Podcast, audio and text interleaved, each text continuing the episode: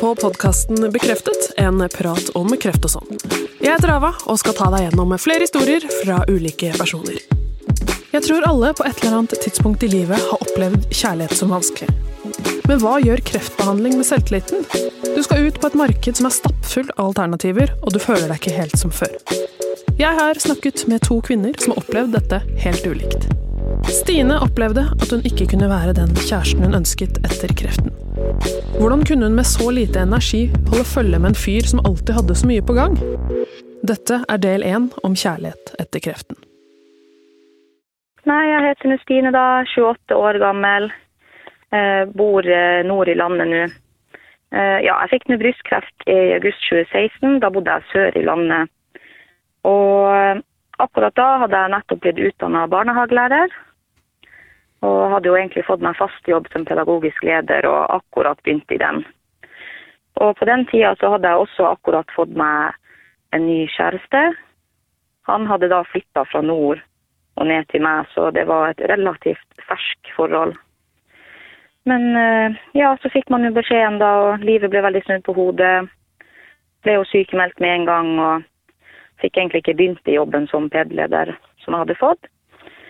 Og det var jo litt sånn eh, Ja, når man hadde fått seg ny kjæreste og skulle man begynne med kreftbehandling oppi det hele. og Det var ikke bare bare. Man var jo veldig nervøs for det og at det var sånn det forholdet skulle starte da. Men eh, ja, man begynte nå på behandlinga, og han var nå med hele tida der, da. Men eh, når jeg var ferdig Jeg hadde jo først cellegift i et halvt år. Så hadde jeg operasjon, så hadde jeg stråling. Um, så var jeg ferdig i mai, slutten av mai 2017. Men uh, i hvert fall sånn ca. to måneder etter jeg skulle begynne i jobb, hadde vært sykemeldt akkurat ett år, så jeg skulle begynne i 50 igjen i den jobben jeg hadde fått da. Men uh, så ble jeg dumpa akkurat i det. Man var jo også veldig sliten på den tida. Da, akkurat da så det veldig mørkt ut. Bodde sørpå, familien bodde i nord. Så jeg fant fort ut at jeg flytta bare nordover, da. Ja, For kom det overraskende på? Egentlig. For jeg følte akkurat at uh, nå skulle livet mitt uh, begynne igjen etter denne lange pausen. Og så plutselig så ble man dumpa da også for uh, noen andre, egentlig. Da følte man seg veldig langt nede og man ja, egentlig veldig fæl. Man hadde jo nettopp gått gjennom behandling, man hadde arr på kroppen og ikke hår på hodet nesten. Og ja, nei. Da følte man seg ikke så veldig bra. Så jeg flytta hjem til mamma da, den perioden. Jeg begynte, søkte på jobb og fikk meg jobb som barnehagelærer her i nord da. Men eh, det funka veldig dårlig. Jeg var så langt nede, jeg var veldig sliten. Så jeg var veldig mye sykemeldt akkurat da. Og jeg begynte jo litt med sånn Tinder, for jeg hadde egentlig ikke noe, noe trua på at hvorfor, hvordan jeg skulle finne noen i det hele tatt. Jeg var egentlig ikke klar for det heller, men jeg var nå der bare for å se når jeg hadde flytta hjem. Jeg har ikke bodd her på veldig mange år, så jeg følte meg absolutt ikke noe bra. Så jeg hadde jo egentlig slutta å gå med parykk på den tida, for jeg hadde jo fått litt kort hår, og på jobb i barnehage så syntes jeg ikke det passa seg å gå med parykk. Men eh, så var det en gang at jeg møtte en eller noe sånt på Tinder, og da hadde man jo parykk, men jeg følte meg jo så dårlig og utilpass. Så, så jeg klarte ikke, uansett om han viste mye interesse sånn, så nei, jeg, var, jeg klarte ikke. Jeg var ikke der. Jeg gikk bare Nei. Jeg måtte bare fortelle det sånn som det var, at jeg var ikke noe klar for noe i det hele tatt. Og det var nå greit. Og etter det så holdt jeg meg nå egentlig litt unna. Men så kom det nyåret da, og ja, litt lysere tider. Prøvde å vanne litt på Tinder og bare så og snakka litt, men ikke noe at jeg møtte noen. Men så kom sommeren, da, og så snakka med en fyr, og det er jo han er sammen med i dag. Men det begynte jo også litt sånn eh, at han var veldig interessert. Jeg var også veldig spent og litt nysgjerrig på hvordan han var. For han eh, hadde mange gode ambisjoner i livet og var, virka veldig OK. Men etter man hadde møtt han og blitt kjent med han, så så jeg jo at han hadde jo så ekstremt mye energi. Og da ble jeg nervøs igjen, fordi jeg hadde jo så mange perioder hvor det var opp og ned, jeg var trøtt, jeg var så sliten. Og akkurat da så var det veldig vanskelig å ha tillit til noen, og hvorfor han skulle tro på meg hvis jeg sier at jeg er jo sliten pga. kreften. Sånn, jeg føler at det er så mange som tror at når man er sliten, at de bare Ja, ja, men du kan jo bare hvile det fra deg, eller noe sånt. Akkurat i dette tilfellet så går det jo ikke det. det kan jo, periodene kan jo vare veldig lenge. Så jeg tenkte at nei, jeg kan faktisk ikke treffe han mer, for eh, jeg kommer til å dra han ned.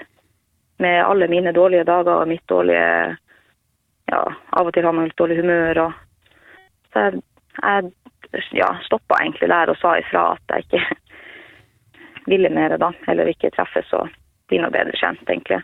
Ja, fordi du tok på en måte den avgjørelsen på egen hånd? Ja, jeg gjorde det, for jeg tenkte at han ville sikkert ikke klare å forstå. Og jeg hadde ikke lyst til å måtte være den som setter en demper for han, på en måte. Når jeg så at han var så, han var så sosial, han var så aktiv. Og akkurat da så da klarte jeg ikke å tenke så langt at jeg noen gang skulle komme dit igjen, da. Så det var veldig vanskelig akkurat da. Men eh, så, så gikk nå sommeren, da. Jeg var sørpå på ferie hos noen venner en stund. og og ble, ble, litt kvikkere av å få litt ny energi og være litt sosial igjen. Og så tenkte jeg, så var jeg jo så nysgjerrig på han. Vi snakka mye på telefon, selv om jeg egentlig hadde sagt at jeg ikke hadde lyst til å gå noe videre på det. Men vi stoppa aldri å prate, og jeg ble bare mer og mer nysgjerrig og mer og mer interessert, egentlig, og faktisk med han. Så da endte det jo med at jeg plutselig bare spurte da om vi skulle finne på noe, og heldigvis hadde han jo også lyst til det, da. At han ikke hadde funnet noen andre og gått videre. For det, for det kunne jo fort ha skjedd. Men ja, da ble vi nå kjent, og heldigvis så viste det seg jo at han var jo en forståelsesfyr, da. Og klarte jo, fordi han har jo også hatt en mor som har kreft, så han eh, viste mye forståelse og klarte å Men han klarte å dra meg opp uten å skremme meg, på en måte med all energien han har og alt han vil gjøre. Han tok meg, har tatt meg med på så mange turer og med båt og på jakt. Og, og når jeg kanskje ikke har klart å gå mer enn 100 meter opp på jakt f.eks., så har han forstått og sagt at OK, det er greit, vi går ned igjen. Og det, det har vært veldig deilig. Så han har fått meg til å bli veldig trygg da, på han, og at det faktisk er noen der ute som har forståelse. Ja, for Har dere snakka ja. om det i ettertid? Det med at du tenkte at du kom til å dra han ned, og at uh, han han ville sikkert være sammen med noen som hadde like mye energi som han? Uh, nei, jeg har jo ikke egentlig gått så i dybden på det. Jeg har bare sagt liksom at nei, du, du var litt for uh, litt for over meg, på en måte, sånn aktivitetsmessig, og ikke så gått noe i dybden på det, nei. Men han har vist forståelse det, det, det, jeg synes det er nesten enda mer imponerende. At da har jo han bare vist forståelse av seg selv, at eh, sånn er, sånn er dette, og det er greit? Ja, ja da, jeg har jo vært veldig ærlig med han da om hvordan jeg har det. fordi jeg, jeg ville ikke at han skulle på en måte bli noe sjokka. Jeg ville at han, han, måtte vite hvordan jeg faktisk har det. sånn at han, når jeg til slutt fant ut da, at jeg ville bli kjent med han og sånn, når jeg ga, ga, oss den sjansen, så ville jeg at han skulle få ta sitt valg etterpå. da. Hvis han fortsatt ville være med meg da. Når han fikk høre at jeg har mange dårlige dager, jeg, my, jeg er mye sliten, vet ikke om jeg klarer å komme meg tilbake i jobb. og og sånn der, da. Men han har jo vært med meg og enig med meg enda. Nei, jeg bare lurte på, Hva tenker du om på en måte egne tanker nå? At du tenkte sånn at, eh, at, at det skulle på en måte være en, en, en, grunn til å ikke være sammen med deg, var Nei, jeg syns jo ikke det er noe greit å tenke sånn om seg sjøl. For jeg tenker at hvis man finner eh, den rette, på en måte, eller så kommer det der til å, å gå naturlig. At, eh, og hvis de ikke viser forståelse, så er ikke de rett. Og jeg skulle jo ønske at jeg klarte å tenke det litt da, for da hadde vi kanskje fått enda mer tid sammen da. Men, Men det løste seg til slutt? Det gjorde jo det, da, heldigvis. Det er jo ikke sikkert det hadde skjedd. Kanskje han hadde gått videre, og da er det jeg som hadde sittet igjen, da. Så tenker jeg også litt sånn hvis det er andre som har det sånn at man må prøve å tro litt mer på seg sjøl og ikke tenke at man skal dra noen ned. For det er veldig dumt å tenke sånn om seg sjøl. Man ser jo det i ettertid. Heldigvis har jo jeg hatt noen å prate med om det her, men jeg med en gang jeg fikk kreft, så kjente jeg ingen. Det var brystkreft, det var for eh, eldre damer, tenkte jeg den tid. Og, men så ser man jo det er mange unge som får kreft, og det, det, er så fint at man kan ha noen å prate med som virkelig forstår. Tusen takk for at du eh, fortalte historien din.